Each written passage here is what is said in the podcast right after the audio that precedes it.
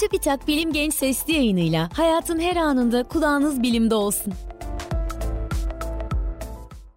Gençler selam, ben Fatma Gönen, beslenme ve diyet uzmanıyım. Bugün sizlerle spor yaralanmalarından sonra beslenmeyi konuşmak istiyorum.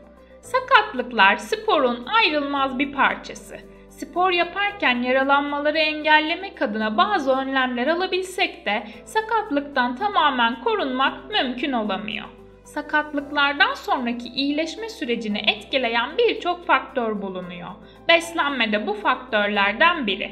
İyileşme sürecinde doğru beslenme, yaralanmalardan sonra vücudun toparlanması için ihtiyaç duyulan süreyi azaltmaya yardımcı olabiliyor.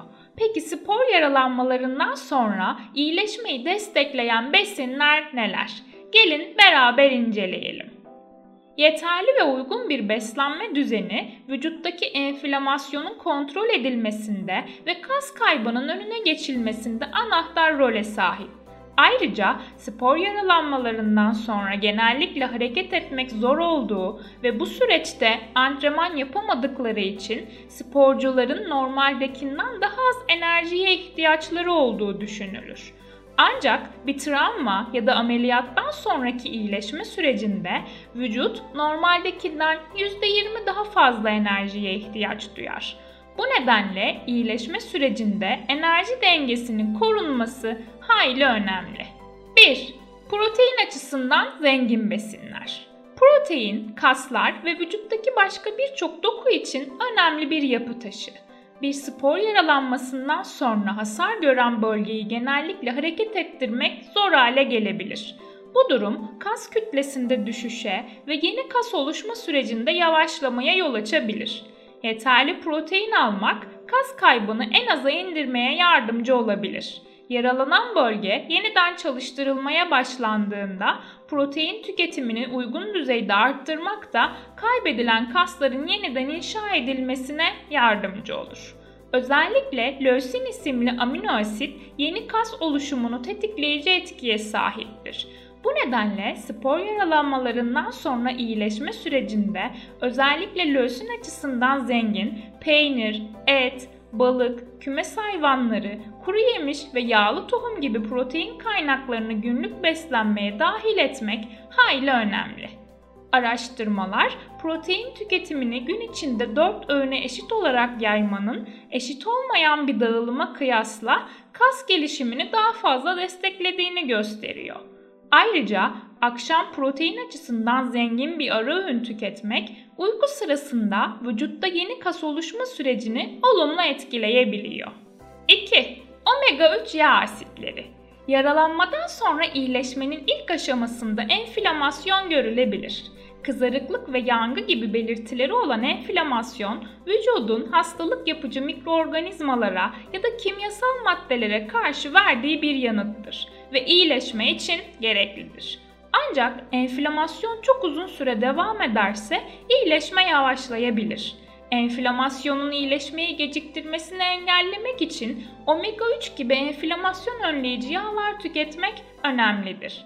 Bu yağlar balık, ceviz, keten tohumu ve chia tohumu gibi gıdalarda bulunur. Ancak bu süreçte mısır, kanola, pamuk tohumu, soya ve ayçiçeği yağlarında yaygın olarak bulunan omega 6 yağ asitlerinin daha az tüketilmesi önerilir. Çünkü çok fazla omega 6 yağı tüketmenin özellikle de omega 3 yağ asitlerinin alımı düşükse enflamasyonu artırdığı biliniyor.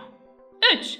C vitamini açısından zengin meyve ve sebzeler. C vitamini kemik, kas, cilt ve tendonların bütünlüğünü korumaya yardımcı olan kolajenin vücutta üretilmesine katkı sağlar. Bu nedenle beslenme ile yeterli miktarda C vitamini almak yaralanmadan sonra hasar gören dokunun iyileşmesine yardımcı olur. Ayrıca antioksidan ve enflamasyonu önleyici özelliklere sahip olan C vitamini iyileşmeyi hızlandırabilir. Turunçgiller, kırmızı ve sarı dolmalık biber, koyu yeşil yapraklı sebzeler, kivi, brokoli, çilek ve domates yüksek miktarda C vitamini içeren yiyecekler. 4. Kalsiyum ve D vitamini açısından zengin besinler. Kalsiyum kemiklerin ve dişlerin yapısında bulunan önemli bir bileşen. Aynı zamanda kas kasılmaları ve sinir sinyallerinin iletilmesinde de rolü var. Bu nedenle yalnızca yaralanmalardan sonra değil, her zaman kalsiyum almak son derece önemli. Kalsiyum açısından zengin besinler arasında süt ürünleri, yeşil yapraklı sebzeler, sardalya, brokoli, bamya ve badem yer alıyor. Kemik yaralanmasının iyileşmesinde önemli bir rol oynayan D vitamini ise tükettiğimiz gıdalarda bulunan kalsiyumun vücudumuz tarafından emilmesine yardımcı oluyor. Ayrıca yeterli D vitamini almak ameliyattan sonraki iyileşme sürecini de destekliyor. Örneğin yapılan bir araştırma D vitamini seviyesi uygun değerde olan insanların ön çapraz bağ ameliyatından sonraki iyileşme süreçlerinin bu durumdan olumlu etkilendiğini gösteriyor. D vitamini güneş ışığı ile sentezleniyor. D vitamini eksikliğini takviyelerle desteklemek mümkün. Ancak D vitamininin fazlası vücutta zehirli etkiye sahip olduğu için D vitamini takviyesi almadan önce mutlaka bir uzmana başvurulmalı. 5. Lif içeriği yüksek besinler. Spor yaralanmalarından sonraki iyileşme sürecinde enerji alımının gerekenden fazla olması kilo artışına, az olması ise iyileşme sürecinin olumsuz etkilenmesine yol açabilir. Lif açısından zengin gıdalarla beslenmek enerji alımını dengelemenin bir yolu. Çünkü meyve, sebze, baklagiller ve tam tahıllar gibi lif açısından zengin besinler yemeklerden sonraki tokluk hissini arttırmaya yardımcı olabilir. Ayrıca bu besinler C vitamini, magnezyum ve çinko gibi iyileşme için gerekli bileşenleri de içerir. Ve son olarak çinko açısından zengin besinler. Çinko, yaraların iyileşmesi, dokuların onarılması ve büyümesi için gerekli olan birçok enzim ve proteinin bileşiklerinden biri. Araştırmalar, beslenme ile yeterli çinko alınmaması durumunda yaraların iyileşme sürecinin gecikebileceğini gösteriyor. Bu nedenle et, balık, kabuklu deniz ürünleri, baklagiller, tohumlar, sert kabuklu kuru yemişler ve kepekli tahıllar gibi çinko açısından zengin gıdaları tüketmek, spor yaralanmalarından sonraki iyileşme sürecini daha etkili bir şekilde atlatmanıza yardımcı olabilir.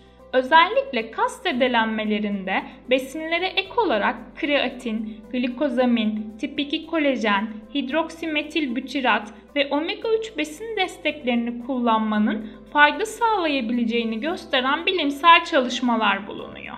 Spor yaralanmalarından sonraki iyileşme sürecinde beslenmenin tamamen kişiye özel planlanması gerekiyor.